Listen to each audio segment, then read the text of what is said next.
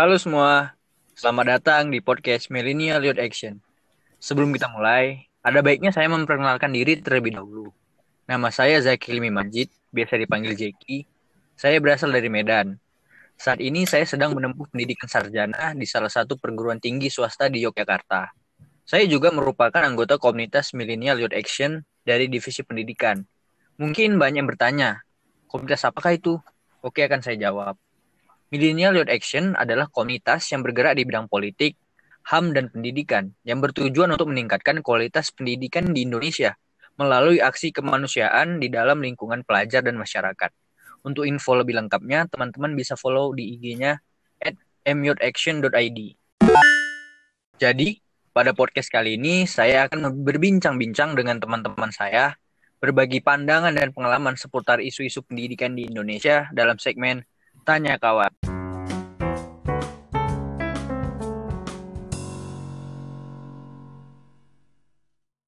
Pada segmen Tanya Kawan episode pertama ini, kita memiliki tema besar yaitu bagaimana kualitas pendidikan tingkat universitas di Indonesia.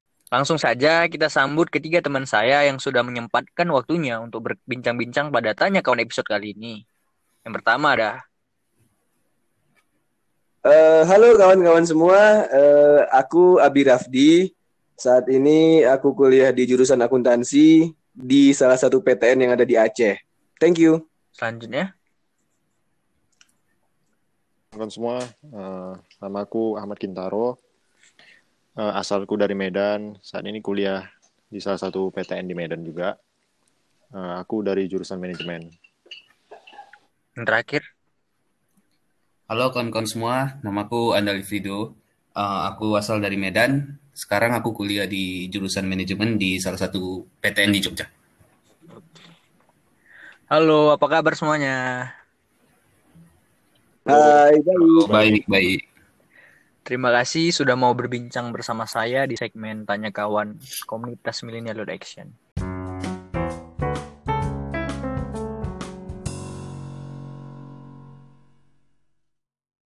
Berbicara mengenai kualitas pendidikan di Indonesia, sesuai dengan tema besar kita pada episode kali ini, bagaimana kualitas pendidikan tingkat universitas di Indonesia? Menurut kawan-kawan semua nih, seberapa pentingkah pemerataan kualitas pendidikan di Indonesia? Boleh dari Abi dulu. Hmm, kalau dari aku ya, seberapa penting pemerataan kualitas pendidikan menurut aku sangat-sangat penting ya. Karena bagi kita, bagi generasi muda, pendidikan adalah sebuah alat, sebuah metode bagaimana kita membangun sebuah peradaban yang lebih baik di masa yang akan datang. Nah, pada faktanya kita bisa melihat bahwa kok Indonesia gini-gini aja sih gitu. Bisa jadi salah satu faktornya adalah karena kita belum meratakan atau belum merasakan adanya pemerataan pendidikan itu tadi pendidikan masih terpusat di beberapa wilayah, di beberapa kota, beberapa daerah, sedangkan daerah-daerah lainnya masih ya bisa dikatakan terbelakang uh, soal urusan pendidikannya. Menurut aku uh, ini menjadi faktor penting, pendidikan ini menjadi satu faktor yang sangat penting bagi kita jika kita ingin naik level uh, menuju Indonesia yang lebih bermartabat, Indonesia yang lebih maju dan Indonesia yang bisa lebih baik dari sebelum-sebelumnya. Menurut aku begitu sih, Jaki. Oke. Selanjutnya Kintaro, boleh? Uh, aku sendiri terkait pentingnya pemerataan kualitas pendidikan di Indonesia itu ya bagiku suatu hal yang sangat sakral. Karena wujud kualitas dari suatu negara itu ya lagi-lagi dilihat dari pendidikannya gitu. Hmm. Suatu negara yang kuat itu biasa punya uh, pemerataan pendidikan di negaranya gitu. Contoh kita bisa lihat di Jepang gitu. Di Jepang itu salah satu negara dengan pemerataan pendidikan yang paling merata lah gitu. Antara satu kota dengan kota lainnya itu biasanya punya kualitas pendidikan yang mirip-mirip gitu. Jadi yang kuliah di sana, misalnya yang di perguruan tinggi juga di sana, itu biasa antara yang masuk negeri sama yang masuk swasta juga nggak nggak kelihat nggak begitu kelihatan gitu gapnya gitu kan ya ada juga sih gengsi-gengsi tapi dari segi kualitasnya mirip-mirip dan output yang dikeluarkan juga mirip-mirip juga. Dan ya kita tahu sendiri ya, Jepang itu bagaimana kualitas SDM-nya. Jadi output dari pemerataan pendidikan itu adalah kualitas SDM dan itu jadi hal yang sakral bagi suatu negara. Itu sih jadi. Oke. Alip, gimana Lip? Uh, kalau dari aku, menurutku sangat penting ya pemerataan kualitas pendidikan karena dengan adanya pemerataan kualitas pendidikan orang-orang yang mungkin memiliki keterbatasan dalam biaya ataupun uh, orang-orang yang uh, aksesnya nggak terbatas gitu hmm. untuk me mengakses pendidikan uh, dengan adanya pemerataan itu mungkin orang-orang yang memiliki keterbatasan itu keterbatasan itu bisa uh, mendapatkan pendidikan dengan kualitas yang sama dengan yang di kota-kota besar mungkin. Dari aku itu aja sih kan. Oke, oke.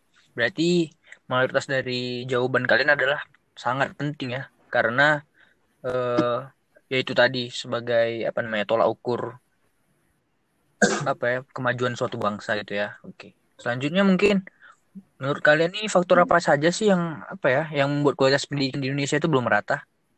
Boleh dari Abi Rafdi lagi.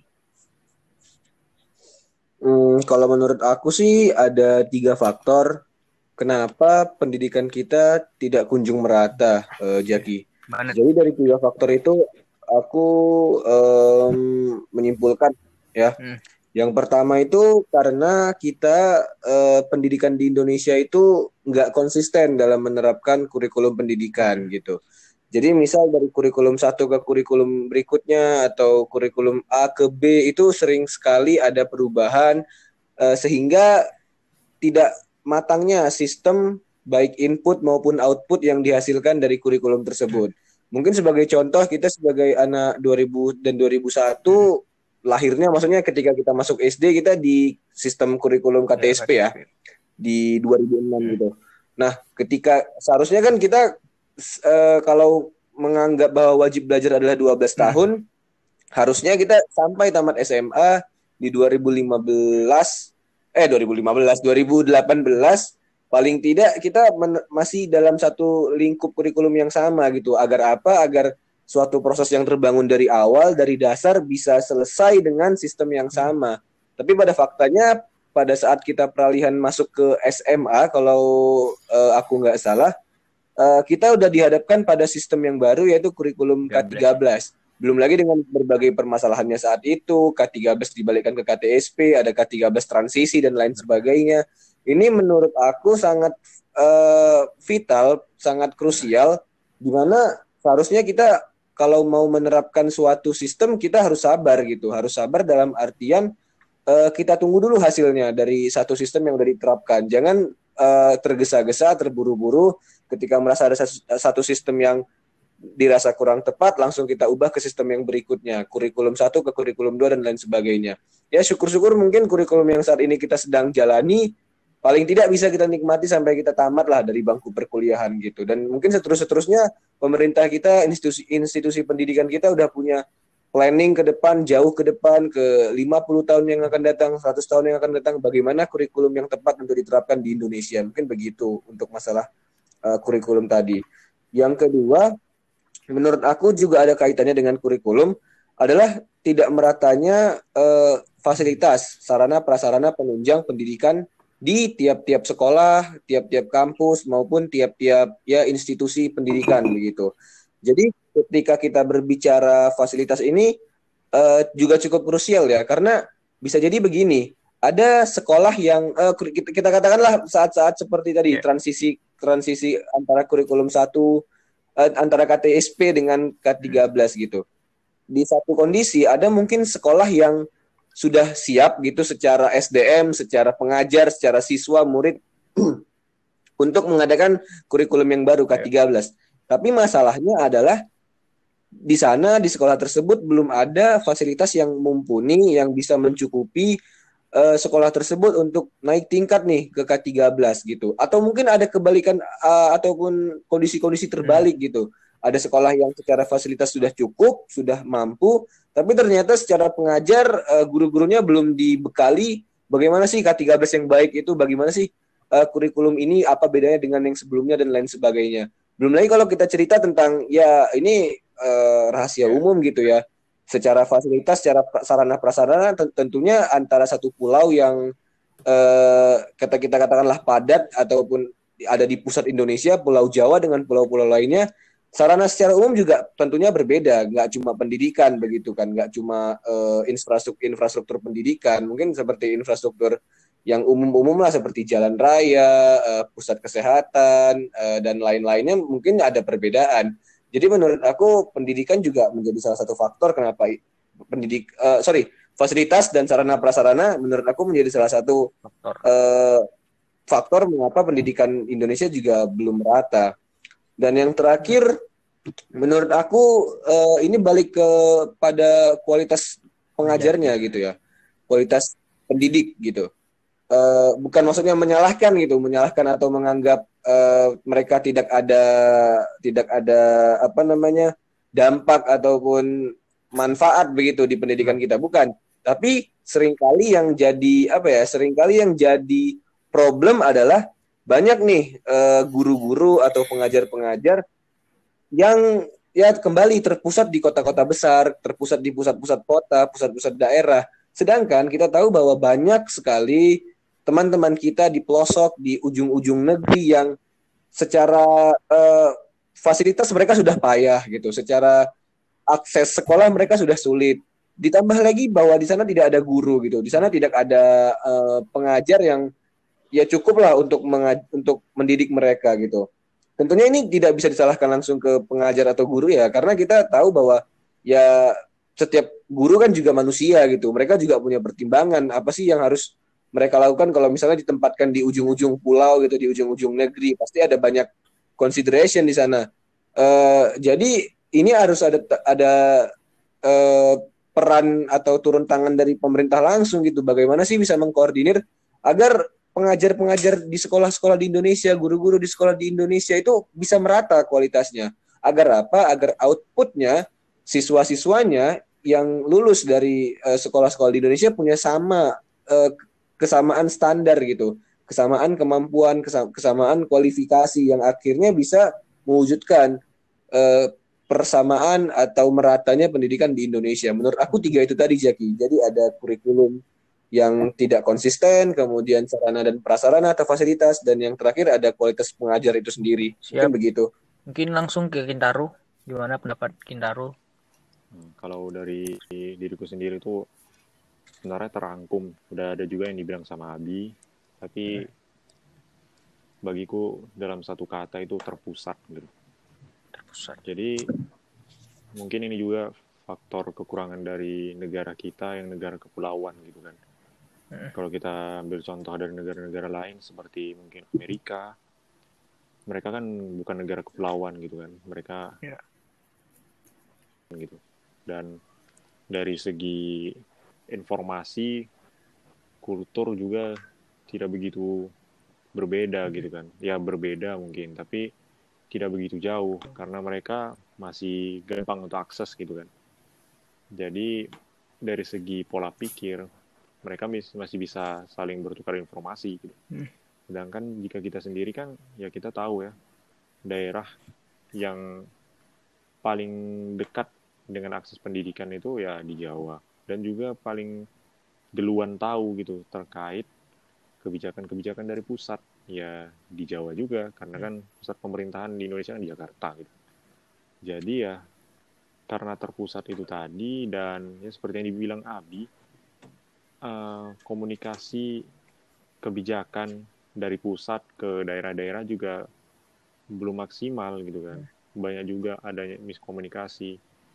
Bahkan juga dalam beberapa kesempatan juga tidak hanya miskomunikasi, tapi juga ada kesalahan wewenang yang dilakukan gitu kan. Akhirnya tidak maksimal. Ya dampaknya ya, seperti dibilang Abi juga tadi, jadi adanya ketimpangan dari segi sarana dan prasarana, seperti ya di Medan aja ya kita tahu sendiri ya antar SMA negeri misalnya SMP negeri itu dari segi sarana dan, dan sarana dan prasarana antara yang satu dan yang lain itu kelihatan bedanya gitu.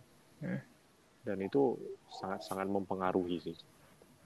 Harusnya yang baik itu ya bagaimana di mana pun sekolah negerinya, misalnya contoh kita ambil sekolah negeri, di mana pun sekolah negerinya harusnya sarana dan prasarana, kualitas tenaga pendidik, Hmm.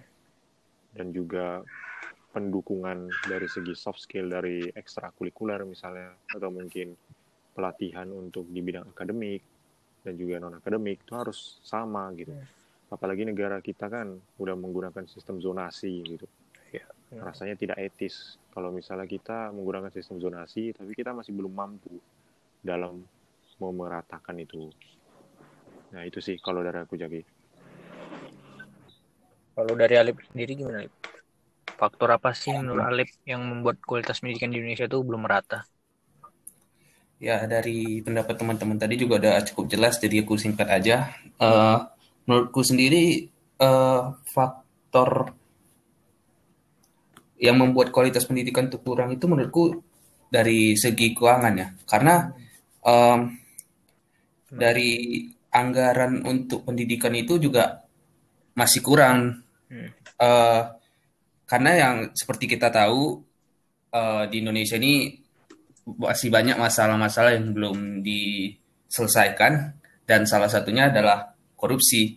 Nah, dari situ kita juga udah bisa melihat kenapa eh, pendidikan-pendidikan di Indonesia, apalagi yang di daerah-daerah terpencil eh, ataupun di daerah yang di lu- luar Jawa masih belum memadai.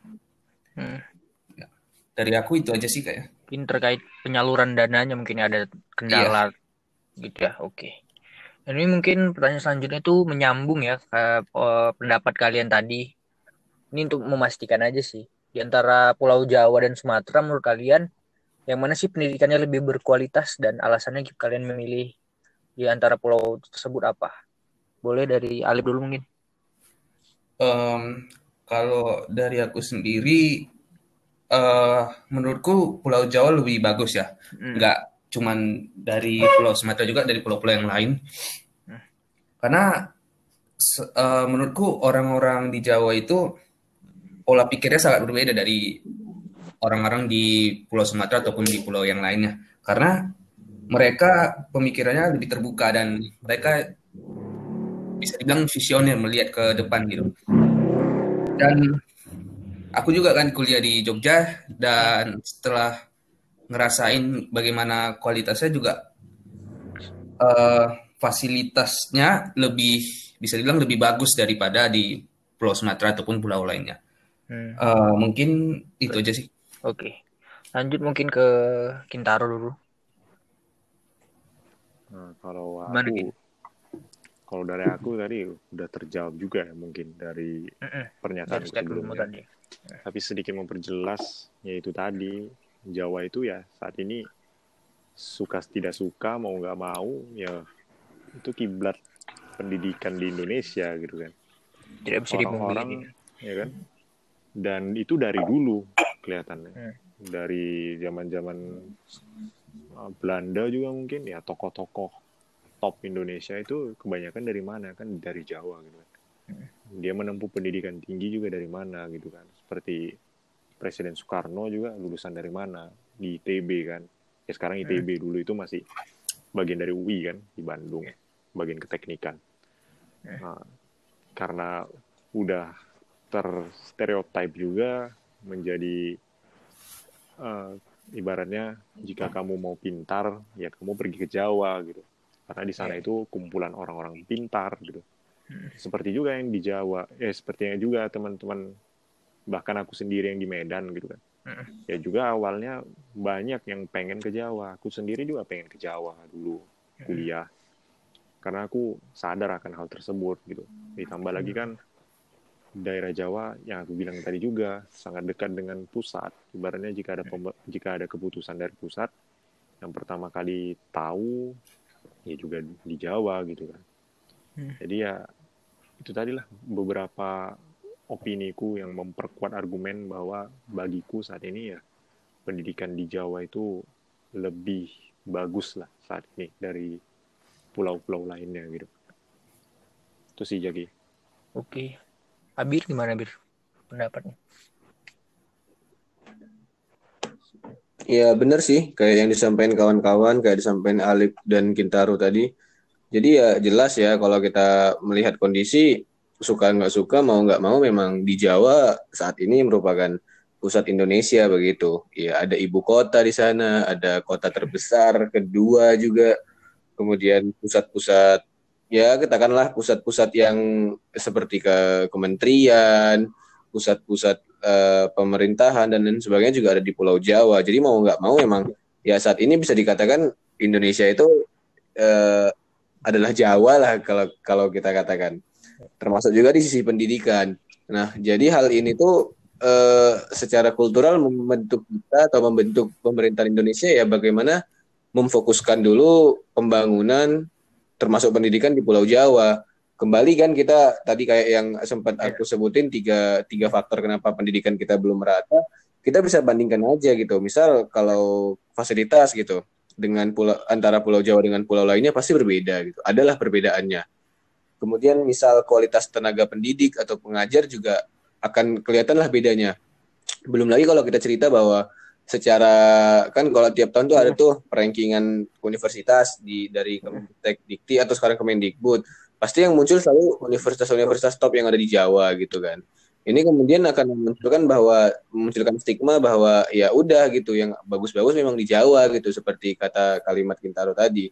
Nah, jadi eh, faktor-faktor ini sih sebenarnya yang yang mem, apa ya membentuk membentuk dari pola pikir dari dalam bahwa Jawa Jawa memang lebih baik dari Sumatera pun dikuatkan oleh fakta-fakta bahwa ya selama ini pembangunan itu memang dipusatkan atau terkhususnya lagi uh, mendahulukan Pulau Jawa dibanding pulau lainnya mungkin begitu.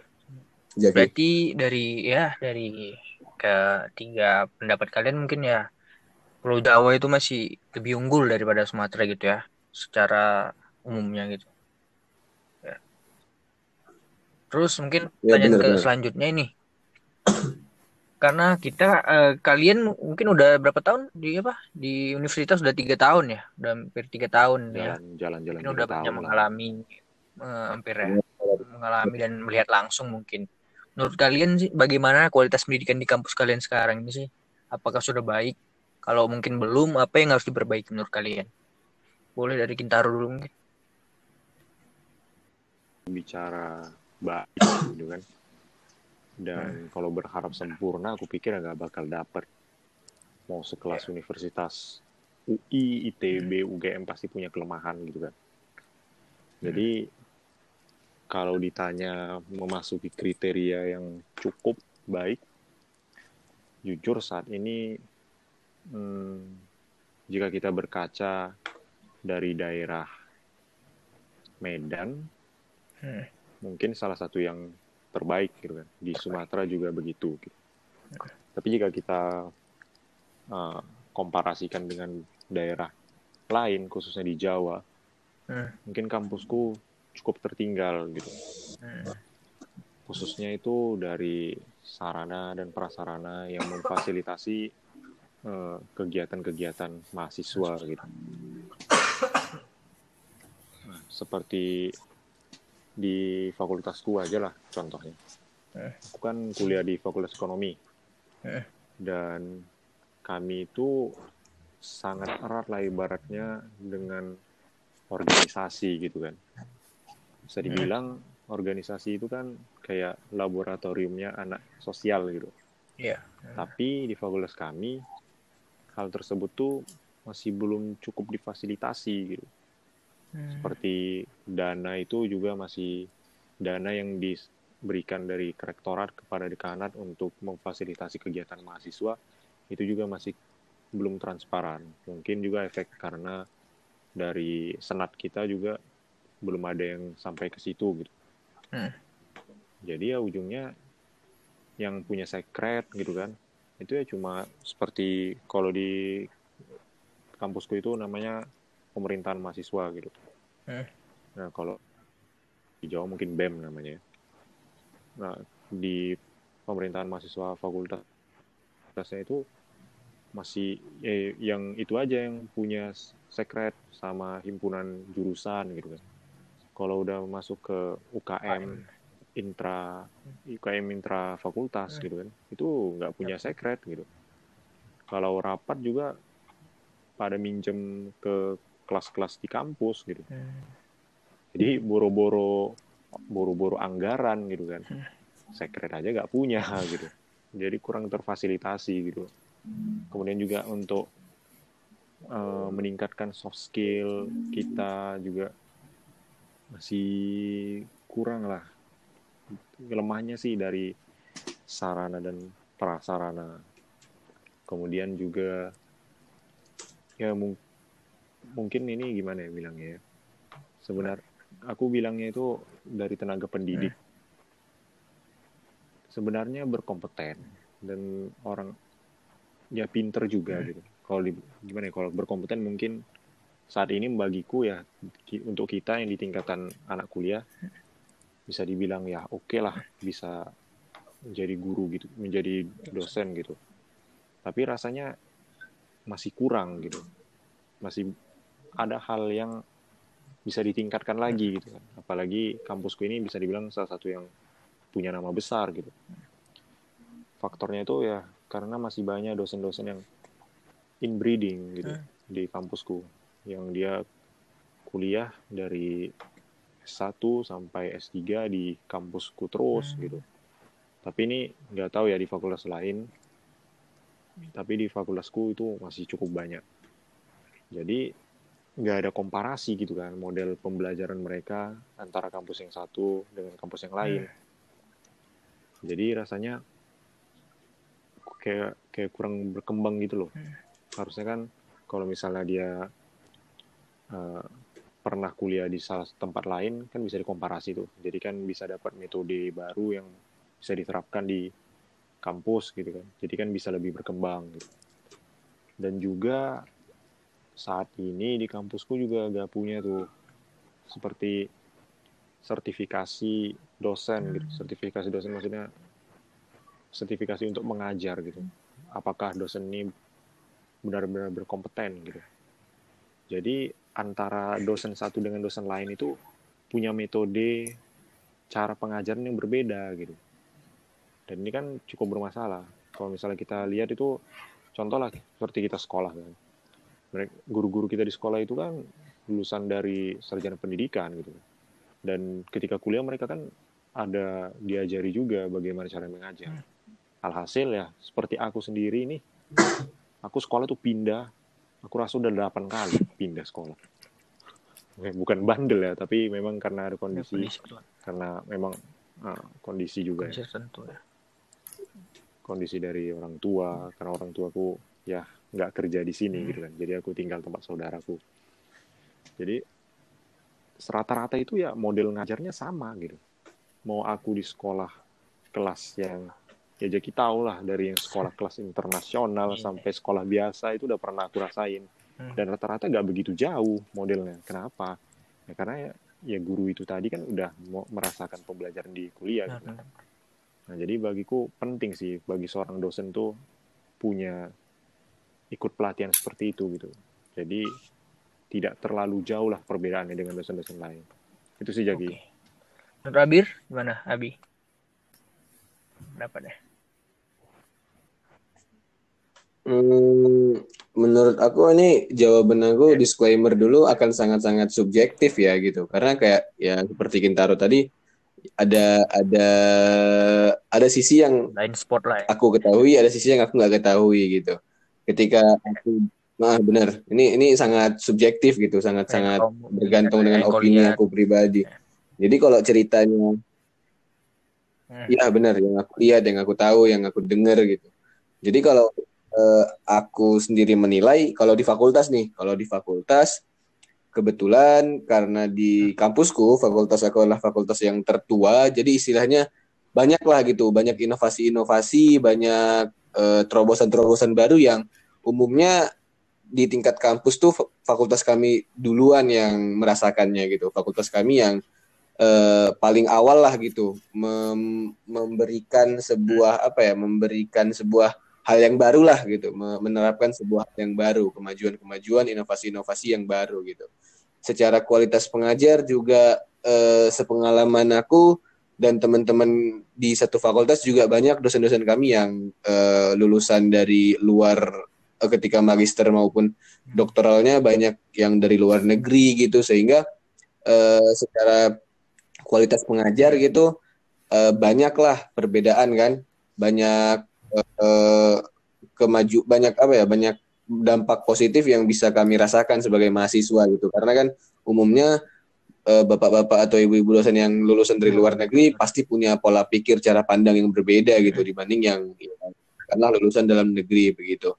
Nah kemudian untuk seperti fasilitas gitu yang dari aku lihat memang dari fakultas uh, kan kalau aku fakultas ekonomi kan tidak perlu yang namanya lab-lab hmm. atau mungkin yang kayak kawan-kawan saintek yeah. punya ya apalah lab gitu lain sebagainya kan tidak gitu.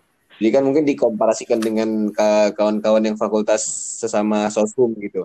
Yang aku lihat juga seperti kalau seperti untuk fasilitas ya cukup uh, cukup lebih baik lah uh, fakultas aku fakultas ekonomi dibanding fakultas-fakultas soshum yang lainnya yang ada di kampus aku. Tapi kembali ini sangat subjektif. Aku melihat apa yang aku lihat gitu. Kalau secara kampusnya, secara universitasnya, secara luasnya gitu, menurut aku ya masih ada lah gitu beberapa kekurangan. Seperti tadi kata Kintaro nggak ada yang sempurna gitu kan. Masih ada beberapa kekurangan masih ada beberapa yang ya harus dibenahi lah untuk saat ini gitu. Artinya eh, kembali kembali sih eh, ke akunya gitu.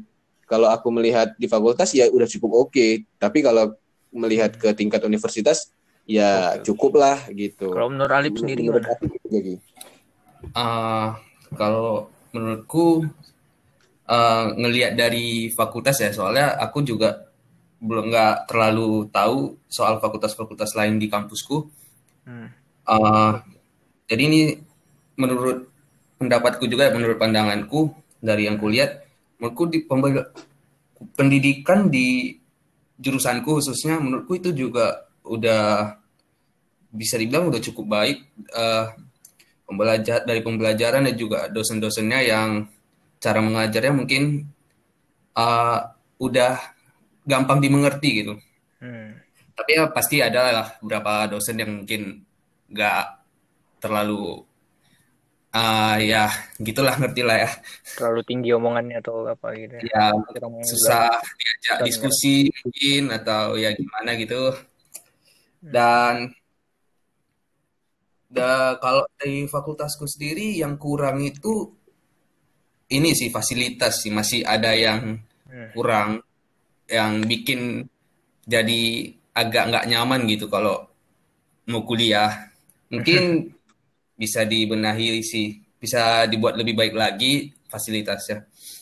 Jadi kalau uh, ngomong kes, dari keseluruhan kampus menurutku sendiri mungkin kualitasnya lebih baik dari fakultasku karena di kampusku sendiri hmm. fakultas selain fakultasku hmm. itu yang lebih dikenal di sana yang hmm. banyak peminatnya jadi mungkin mungkin lebih mungkin lebih baik sih selain itu ya oke oke itu aja menurutku berarti dari pendapat kalian mungkin ya subjektif tadi kayak bilang Abir ya karena sesuai pandangan juga ya tapi mungkin ya seperti kita juga bilang tadi ada di setiap kampus tuh yang nggak sempurna ada kekurangannya juga mungkin gitu ya. Mungkin lanjut aja karena kita tadi udah bahas di awal tuh udah dari awal tuh kita bahas penga apa kualitas ya kualitas pendidikan. Dan tadi kalian baru bilang juga baru memberikan pandangan dan pendapat kalian tentang kualitas pendidikan di kampus. Menurut kalian sendiri ber, e, seberapa besar sih pengaruh kualitas pendidikan di kampus kalian terhadap kualitas individu mahasiswanya gitu? Boleh silakan ke Abir dulu boleh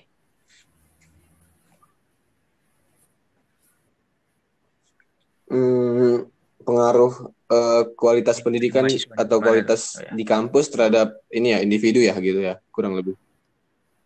Menurut aku uh, gini sih uh, yang membentuk seseorang yang membentuk individu itu kan nggak cuma pendidikan di kampus gitu. Artinya kan kehidupan seseorang kan ya nggak cuma soal kampus ada kehidupan dia di luar gitu dengan keluarganya dengan teman-temannya dengan komunitasnya lain sebagainya gitu.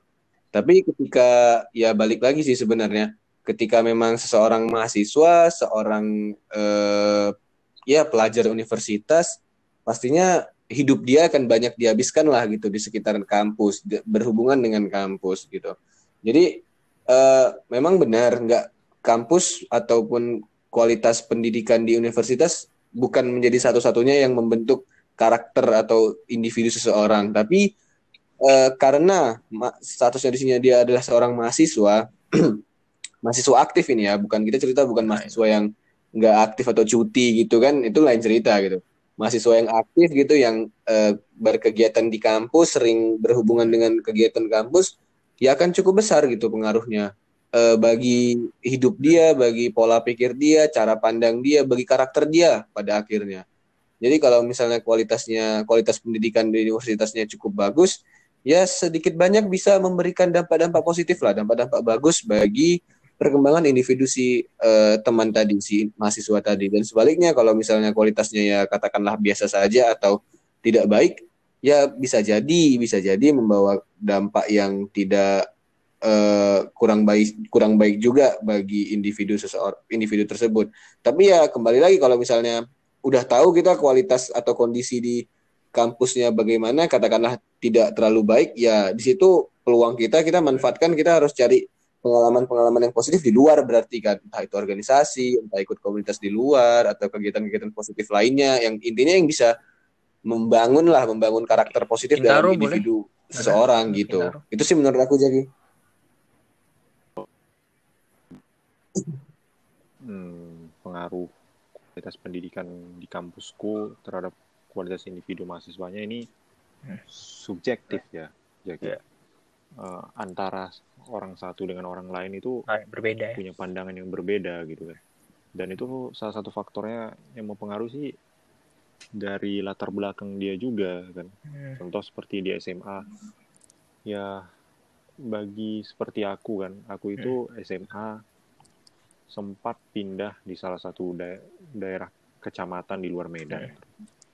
Dan dari segi uh, gimana ya, kultur dan sosial itu memang dari segi pola pikir kita lebih tertinggal dari orang Medan gitu. Uh, seperti aku gitu kan dari daerah terakhirnya kuliah di salah satu PTN di Medan ini ya aku ngerasa hal tersebut benar-benar berdampak pada aku gitu. Dari yang ya sedikit banyaknya membantulah gitu tentang kualitas pendidikan itu. Tapi bisa jadi juga orang yang mungkin dia itu SMA-nya mungkin bertaraf internasional gitu kan. Dan dia juga udah sering melalang buana ke daerah internasional, dia ngerasa ketika sampai di pendidikan kampus di tempatku dia ngerasa ngestak aja gitu. Hmm. Tapi terlepas dari hal tersebut ya, ini menurut pandanganku sedikit banyaknya mau kita nganggap nggak ada memberikan dampak apa pun pada diri kita hmm. ataupun memberikan dampak pada kita, tapi ya ketika kita uh, ibaratnya kan kuliah ini bagian dari proses gitu. Ya, ketika kita sampai dalam tahapan-tahapan tertentu dalam tangga kehidupan kita ini pasti bakal berpengaruh lah gitu kualitas diri kita itu pasti tertempa gitu. Walaupun kita bilang enggak secara gak sadar sebenarnya ya tertempa seperti misalnya contoh aku kuliah di kuliah di jurusan manajemen. Hmm. yang mau aku bilang kampus kampusku misalnya nggak ada berikan dampak apa pun dalam proses aku belajar manajemen ya nyatanya kalau nggak diajarin oleh dosen-dosen di situ ya aku nggak tahu tentang manajemen gitu. Hmm. jadi ya itu sih jadi pengaruhnya kupikir di mana pun kualitas pendidikan di kampus tuh terus khususnya di tempatku itu pasti bakal memberi memberikan dampak, dampak gitu uh, terhadap kualitas individu mahasiswanya. Terlepas dampak apa pun itu saya karena kan dampak individu beda-beda ya. Benar sekali. Oke, mungkin Alif gimana Alif? Uh, kalau dari aku, menurutku pengaruhnya itu nggak terlalu berpengaruh terhadap kualitas individu mahasiswa sama kayak teman-teman bilang tadi, semuanya tergantung dari mahasiswa sendiri. Uh, kalau mahasiswa sendiri tidak memanfaatkan kualitas fasilitas fasilitas, fasilitas ataupun uh, pendidikan yang diberikan pada kampus kalau mahasiswa nggak memanfaatin itu ya sama aja hmm. nggak hmm. ada pengaruhnya. Jadi ya menurutku sendiri dari mahasiswa itu sendiri bagaimana dia mau uh, apakah dia mau berkembang atau tidak iya itu aja sih dari aku. Oke. Selanjutnya mungkin uh, karena kalian ini udah mungkin udah ya udah lama tadi ya di di perkuliahan udah hampir tiga tahun juga. Pasti kan memiliki apalah kesan atau pengalaman gitu kan selama berkuliah. Mungkin dari teman-teman sendiri pengalaman apa sih yang paling berkesan selama berkuliah ini? Terus apa saja sih yang kalian dapat selama berkuliah di daerah kalian masing-masing ini? Boleh mungkin dari Alif dulu mungkin. Uh, dari aku ya, uh, ya boleh. selama aku kuliah di Jogja itu yang kurasain yang pasti pertama uh, suasananya ya suasana di Jogja itu benar-benar beda dari Medan uh, hmm. kalian juga udah tahu kayak mana Medan apalagi jalannya macet teriak-teriak ya kan kalau di Jogja chaos chaos uh, sama sekali kayak diem gitu diem tentram nggak ada ya. macet jadi ya mungkin agak kaget lah ya waktu pertama kali ke sana. Terus kalau pengalaman di kampus yang paling berkesan ini sih hmm. orang-orang di sana, orang-orang mahasiswa-mahasiswa di sana, hmm. uh, karena udah kita tahu juga kalau Jogja itu dikenal dengan kota pendidikan hmm. uh, dan banyak orang-orang yang dari luar Jawa maupun di Jawa yang kuliah merantau ke Jogja. Hmm. Jadi hmm. di sana aku ketemu dengan orang-orang ya bisa dibilang beda-beda ini, beda-beda pulau, beda-beda ras, beda-beda etnis. Hmm.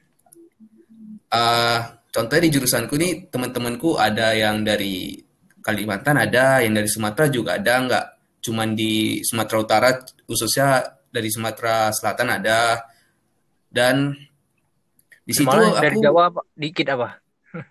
Kalau di Jawa ada beberapa aja uh, banyak juga sih, tapi ya paling banyak di Jogja. Hmm. Uh, dan dari situ aku ketemu orang-orang yang berbeda gitu dan pemikirannya juga berbeda, lebih terbuka. Jadi aku di situ banyak belajar lah bagaimana orang-orang di sana itu berpikir dan uh, melakukan sesuatu ataupun semacamnya. Dan kalau dari, dari proses pendidikan mungkin ada yang kalau dari proses pendidikan uh, menurutku mungkin sama aja ya dengan univ-univ lain. Karena ya menurutku karena aku juga nggak pernah ngerasain kuliah di tempat lain mungkin belum bisa berpendapat ya. Tapi mungkin menurutku sama-sama bagus sih. Hmm. mungkin dari aku itu aja sih. Oke siap mungkin dari siapa nih sekarang? Uh, Tintaro dulu lah. Balikin. Pengalaman selama berkuliah di Medan gitu kan. Ah. apa saja yang apa yang kamu dapat atau pertemanan dari pertemanan sih pertemanan atau proses pendidikan yang berkesan gitu kan. Gimana kin? Nah, kalau misalnya ditanya yang berkesan ya aku pikir rata-rata kita mirip gitu kan. Dari pengalaman pendidikan juga ya ya umumnya kampus gitu. Bagaimana hmm. pendidikannya gitu. Tapi mungkin ada yang berbeda tapi menurutku secara umum ya mirip-mirip gitu Sama, ya. hmm. kalau ditanya berkesan ya ya berkesan berkesan dalam artian ya lebih interaktif gitu kalau hmm. dari proses pembelajaran daripada di sekolah dulu kan kalau kita di sekolah dulu apalagi aku itu sekolah di swasta gitu kan hmm. misalnya kita membahas topik tertentu gitu kan mentok-mentok itu paling jauh ya kita masuk ke laboratorium misalnya kan. karena kebetulan aku walaupun kuliah di IPS ilmu sosial aku SMA IPA Jadi ya mentok-mentok paling jauh itu ya kalau studi-studi praktek itu ke laboratorium. Laboratorium di sekolah gitu kan. Hmm. Tapi kalau misalnya di kampus kelihatannya bi- bisa lebih dari itu gitu. Teman-temanku juga ada yang sampai ke pabrik, pabrik-pabrik yang kita kenal lah seperti pabrik Unilever, ada yang juga pergi ke Inalum studinya, ada juga yang kalau seperti kami kan yang dari manajemen, aku kemarin juga ya dari dari mata kuliah salah satu mata kuliah di program studiku aku dikenalkan oh ternyata di Medan itu ada loh asosiasi ekspor impor kopi di Indonesia itu ada di Medan juga gitu.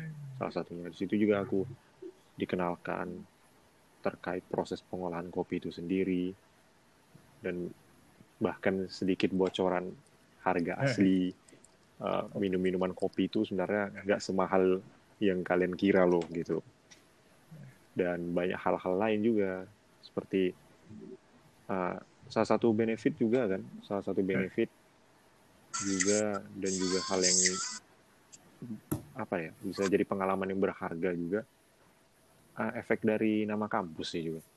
Jadi kita juga lebih mudah gitu ya misalnya mau melakukan wawancara itu juga udah berapa kali aku lakuin dan tuh bagiku cukup berkesan sih. Kemudian jika dibilang di pertemanan wah ini harusnya ya. Harusnya bagi seorang mahasiswa Ya. Ini tuh menjadi hal yang berkesan. Hmm. terutama di bagian relasi itu kalau misalnya sekolah dulu kita hanya kenal ah, yang dua tingkat di atas kita dua tingkat di bawah kita apalagi yang negeri kan nggak punya sekolah SMP-nya gitu kan kalau kita SMA Hmm. kalau di kuliah kita bisa kenal loh 5-10 tahun ke atas kita kita bisa tahu. Yang di bawah kita juga kita bisa tahu yang jauh gitu. Dan itu berpengaruh gitu seperti yang saat ini juga aku ngerasain gitu dari relasi tersebut menjadi hal yang ah, pengalaman yang berharga juga. Dari situ aku bisa tahu bisa tahu berbagai banyak hal. Diajakin usaha diajakin dilatih juga dalam organisasi kecakapan soft skill. Ya berbagai macam hal lah gitu. Itu sih pengalaman berharga selama perkuliahan di kampusku yang kurasakan. Hmm, Abir boleh cerita sedikit.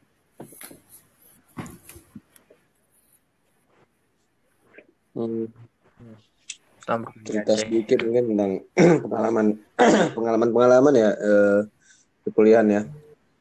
Iya. Jadi mungkin aku sedikit cerita dulu bahwa eh, kayak yang kawan-kawan tahu aku lahir di Medan, besar di Medan. Intinya sampai tamat SMA aku di Medan gitu. Jadi waktu kelas 3 SMA kepikiran eh, gimana sih kalau eh, cara gitu kuliah bisa di luar Medan gitu merantau. Ke mana pun tujuannya yang penting merantau lah intinya gitu. Dan alhamdulillahnya eh, terkabul gitu eh, bisa merantau sekarang di Aceh. Eh, bisa ya intinya keluar keluar kota asal gitu kota kelahiran. Jadi eh, tentunya ak- aku saat itu yang Hmm. eh, kan semangat lah ini kan karena berhasil lah gitu mencapai salah satu target gitu. Ya eh, semangat gitu menjalani hari-hari awal di di apa namanya di perantauan gitu. Meskipun ya ada sih memang culture shock ataupun ya kekagetan-kekagetan gitu Ya, dengan gimana? budaya yang ada di sana gitu. Mungkin kalau aku cerita tentang pertemanan ya. Jadi stereotip eh, kawan-kawan di Aceh gitu terhadap orang Medan tuh ya kayak mana orang luar Medan lah memandang orang Medan gitu seperti orang Medan Sari. eh orang Medan ini kalau ngomong pasti teriak-teriak nih. Orang Medan kalau ngomong kasar, keras Iya. gitu kan. Suka ngegas, eh, apa namanya? keras kepala segala macam gitu kan. Ya itu yang mereka mereka tanyakan ke aku gitu. Tapi eh, ya aku nggak nggak tunjukkan kayak gitulah. Aku kasih tahu bahwa ya itu di sana mungkin wajar lah gitu karena banyak orang-orang Batak gitu ya memang kulturnya di sana gitu. Tapi kembali lagi aku jelaskan kalau ya kami tahu juga tahu lah gitu kan bagaimana menempatkan posisi gitu, bagaimana sopan santun yang yang bisa diterima semua orang gitu. Kemudian culture shock yang lain mungkin tadi udah disebut Alip mungkin ya. Kita tahu lah kayak mana kota Medan gitu kan. Kota Medan tuh sebenarnya rame, padat, macet intinya. Jadi kalau mana kita pergi pergian di kota Medan kalau nggak macet nggak kena macet pasti kayak ada yang kurang gitu apa gitu yang kurang ya kan. Nah jadi pas aku pertama kali ke ke maksudnya pertama kali merantau nih ke Aceh nih ke Banda Aceh ya?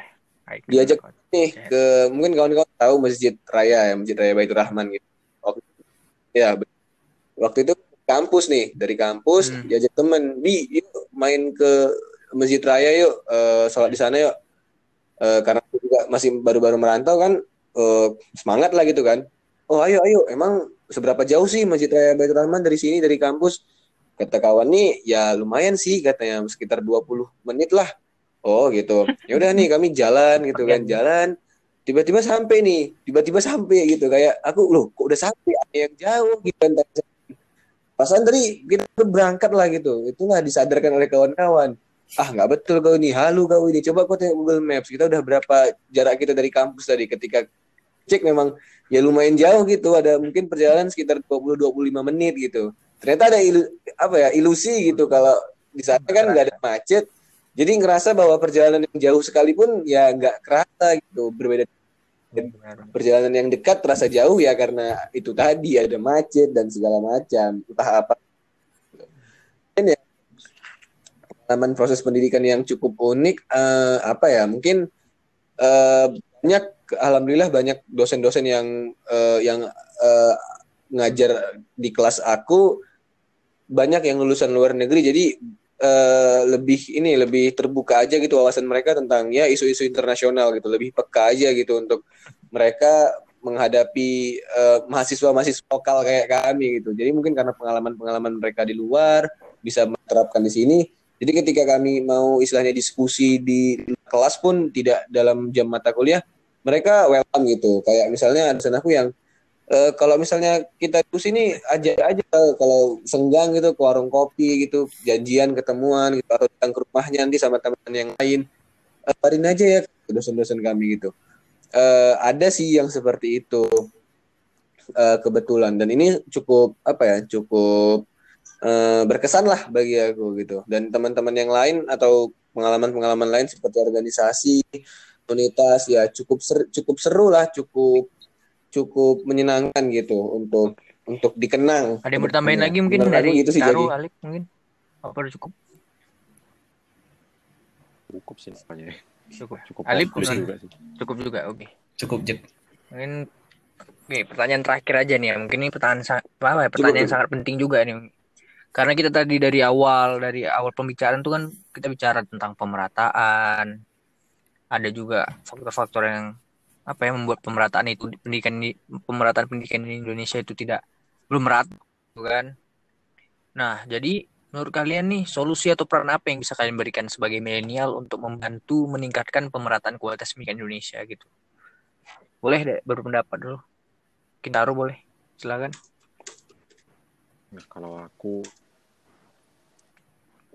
ya, solusi yang bisa aku berikan sebagai milenial untuk membantu meningkatkan pemerataan kualitas ini cukup berat ya dengan Hmm. peranku saat ini itu Eh, kupikir ini kan butuh kendali dari orang yang punya wewenang gitu kan. hmm, ya, benar-benar.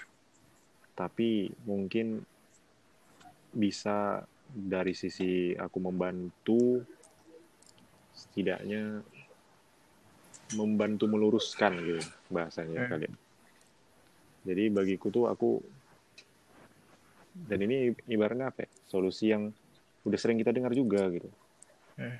Yaitu hargai sistem yang ada gitu. Respect the system. Kita itu sering lupa dan sering menganggap hal tersebut hal yang sepele gitu kan. Eh, udah ada sistem yang disampaikan oleh pemerintah pusat untuk diterapkan. Pertama dari di yang diamanahkan dari pemerintahan daerah untuk diterapkan ada beberapa yang tidak diterapkan. Kemudian lari ke bagian pendidikan di sekolah misalnya atau mungkin di perguruan tinggi ada juga beberapa poin yang tidak diterapkan. Sistem yang udah dibuat tidak diterapkan. Udah sampai di mahasiswa dengan sistem yang udah sedikit ini, kita juga sebagai mahasiswa tidak melaksanakan hal tersebut gitu kan. Ya secara nggak langsung gitu, sadar nggak sadar, kita sendiri kita sendirilah yang membuat pemerataan pendidikan itu di Indonesia jadi sulit tercapainya gitu. Dan sesederhana ini aja deh misalnya. Saat inilah kita lihat sekarang kan kuliah itu daring ya Iya. dan sistem itu kan memaksa kita agar kita harus bisa efektif gitu harus bisa mendapatkan input yang sama dengan kita kuliah secara offline gitu. dan ya kita lihat aja kan kita itu ketika kuliah online terutama di semester lalu itu banyak yang tutup kamera Wah, bahkan aku sendiri itu termasuk juga gitu kan. Dosen lagi ngajar apalagi udah hitung-hitungan gitu kan. Hmm. mager banget jadi jadi lagi ngajar tutup kamera tidur gitu. Alhasil ya alhasil semester lalu tuh wah hancur kalau dari segi ilmu itu kurang. Kurang. Dan dosen juga kesulitan kan karena dia juga gak tahu wajah-wajah kita dan dia juga udah terlalu tua untuk memikirkan itu. Terakhirnya dia juga memberikan kita nilai kasihan juga. Tapi nilai kasihannya tinggi juga Iya. kan? Dan banyak tuh kasus tuh di semester lalu tuh teman-temanku tuh IP-nya tinggi-tinggi. Tapi ilmunya nggak tahu dapat apa enggaknya. Tapi ilmunya nggak tahu dapat atau enggak. Tapi dari nilai untuk pertama kalinya mungkin bisa dibilang. Dalam satu kelas itu bisa ada empat orang gitu. Empat tiga orang yang IP-nya empat gitu. Bayangin gitu dan banyak yang di, di atas 3,5 ada pada tahun pada semester lalu itu. Tapi uh, il- ilmunya nggak dapet gitu. Nah kan ini kan jadi ketimpangan juga ketimpangan pendidikan kan dari contoh kecil tersebut gitu. Ini itu sih.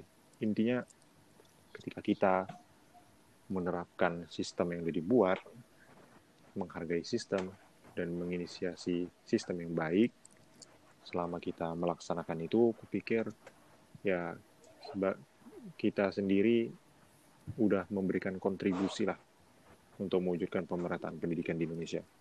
Itu sih kalau dari aku. Ki respect the system aja intinya ya Abir boleh dapat bir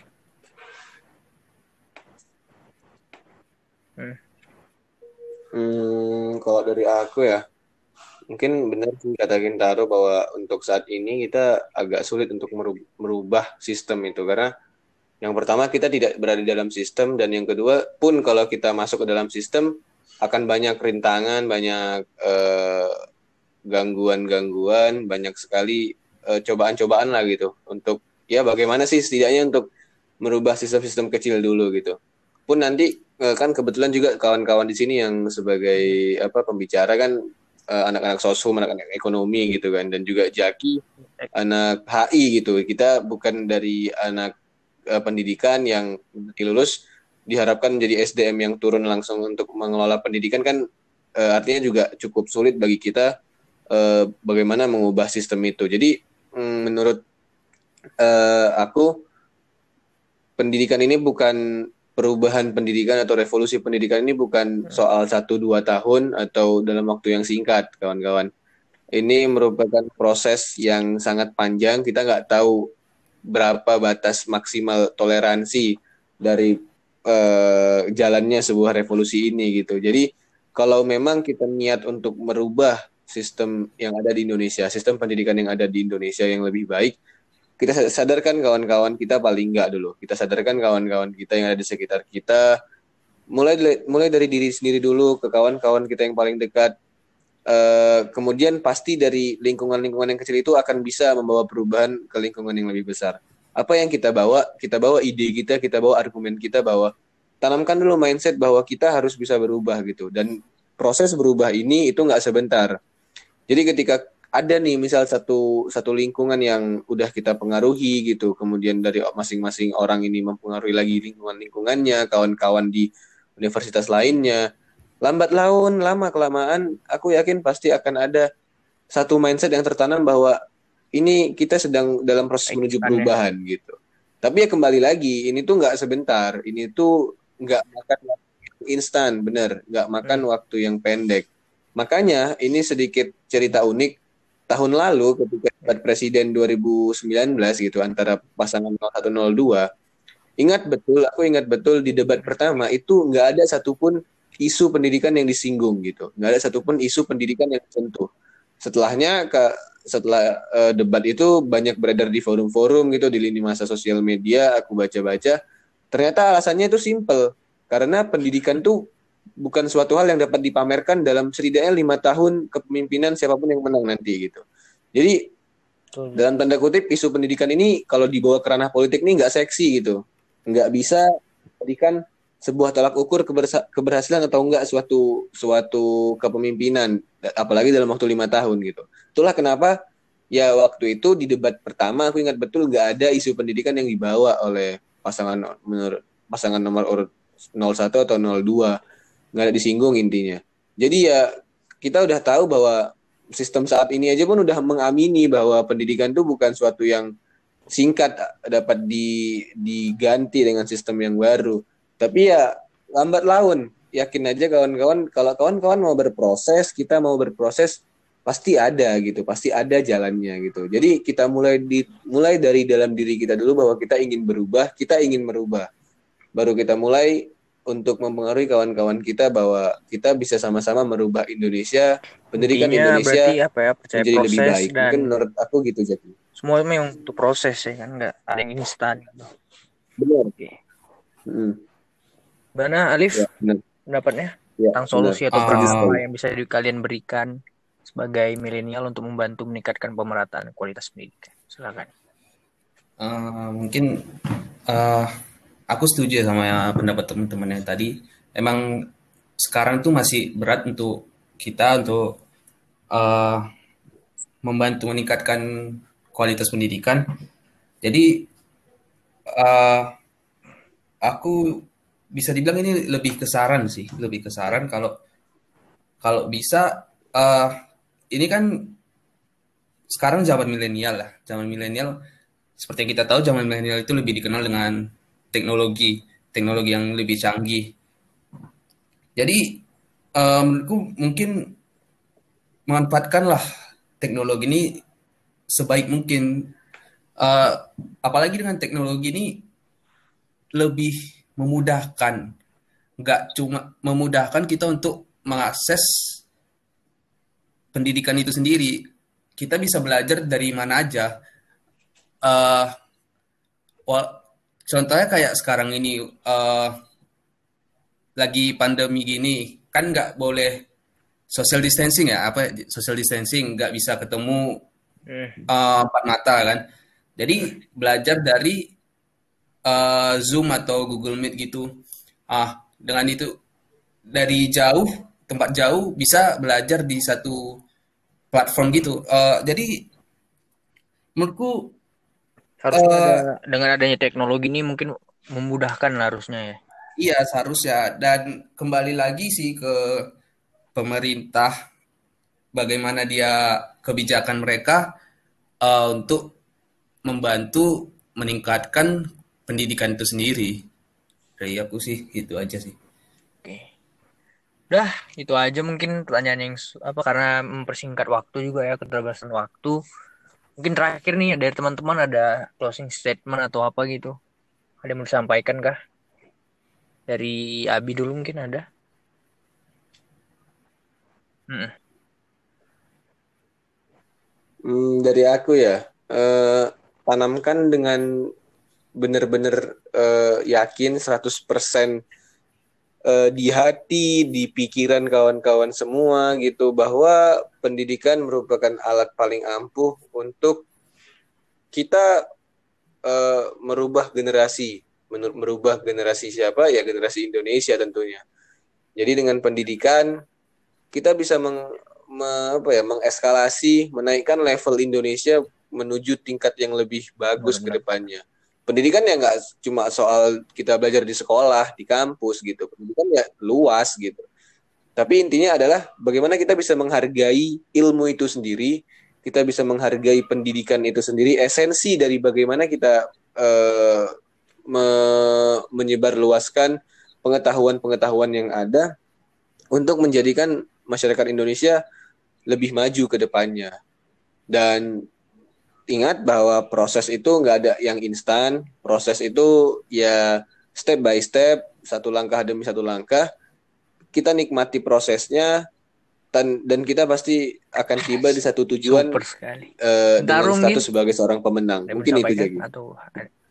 Nah, kalau dari aku intinya optimis, hmm. konsisten, dan juga jangan lupa kontribusi optimis intinya ya walau dengan segala kekurangan kualitas pendidikan keterbatasan ya dengan segala problematikanya lah mengenai pendidikan di Indonesia kita harus optimis bahwa di suatu masa nanti Indonesia memiliki kualitas pendidikan yang baik. Apalagi kita juga nanti akan merasakan bonus demografi gitu kan? Yeah dan ada juga visi Indonesia Emas tahun 2045 ya. Dan itu udah ibaratnya menjadi apa ya? Dengan adanya hal tersebut kan berarti ada optimistis tersendiri gitu kan dari masyarakat bahwa ya suatu saat nanti Indonesia itu bakal hebat loh. Gitu. Dan salah satu hal yang membuat hebat, salah satu faktor yang menjadi faktor ibaratnya faktor utama gitu kan adalah pendidikan gitu. Jadi pertama kita harus optimis. Kedua konsisten gitu. Ya kita udah punya keyakinan nih bahwa suatu saat nanti Indonesia akan punya pendidikan yang bagus, punya pendidikan yang hebat. Maka konsistenlah untuk terus memperbaiki diri, konsistenlah terus untuk menempah diri kita.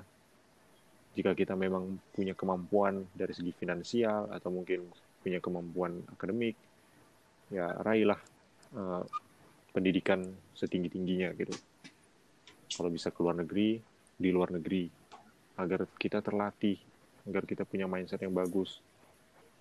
Nah outputnya baru masuk ke kontribusi. Pulanglah bagaimanapun uh, lama seberapa lamanya pun kita berada di luar negeri ya kita ini adalah orang Indonesia gitu. Ya sebagai masyarakat Indonesia sebagai manusia lah gitu kan. Gitu ya. nah, kita kan sebagai manusia kontribusi menjadi orang yang bermanfaat bagi orang lain kan itu suatu hal yang penting gitu. Dan itu udah disebutkan juga kan dalam salah satu hadis gitu kan. Hmm. Uh, sebaik-baik orang adalah orang yang bermanfaat bagi orang lain gitu kan. Nah, untuk menjadi orang terbaik tersebut maka berkontribusilah gitu dengan berbagai cara kontribusi dari ilmu yang telah kita dapatkan dari awal tadi. Jadi intinya uh, ikuti alurnya, maka ya mudah-mudahan bukan mudah-mudahan optimis, optimis bakal terwujud tuh pendidikan kualitas pendidikan yang kita impi-impikan tadi di Indonesia. Itu sih jadi. Siap. Terakhir mungkin dari Alip ada yang mau disampaikan? uh, mungkin ini sih uh, pendidikan kan memang sangat penting gak cuma di Indonesia di dunia ya kan hmm. ya walaupun sekarang pendidikan masih belum cukup baik mungkin uh, dari mungkin bisa dari generasi kita kita berproses bersama-sama, kita tingkatkan kualitas pendidikan ya mungkin nggak sekarang, mungkin beberapa tahun ke depan, tapi setidaknya uh, kita berkontribusi konsisten dan intinya pelan-pelan tapi pasti. Mungkin itu aja sih dari aku. Oke. Karena keterbatasan waktu podcast Millennial Action dengan segmen Tanya Kawan episode 1 ini harus kita sudahi. Belum meratanya pendidikan di Indonesia bukan hanya tanggung jawab pemerintah saja, tetapi juga tanggung jawab kita sebagai kaum milenial. Sampai kapan kita mau berharap terus kepada pemerintah? Kalau kita saja bisa bergerak, kenapa tidak? Pada dasarnya, peran apa pun yang akan kita berikan kepada masyarakat itu akan sangat bermanfaat apabila didasarkan dengan tujuan baik. Namun, tujuan baik saja tidak cukup apabila tidak adanya tindakan. Pikirkan, rencanakan, dan lakukan. Sekian dari saya dan teman-teman. Sampai berjumpa di episode selanjutnya. Oke, bye. Makasih kawan-kawan.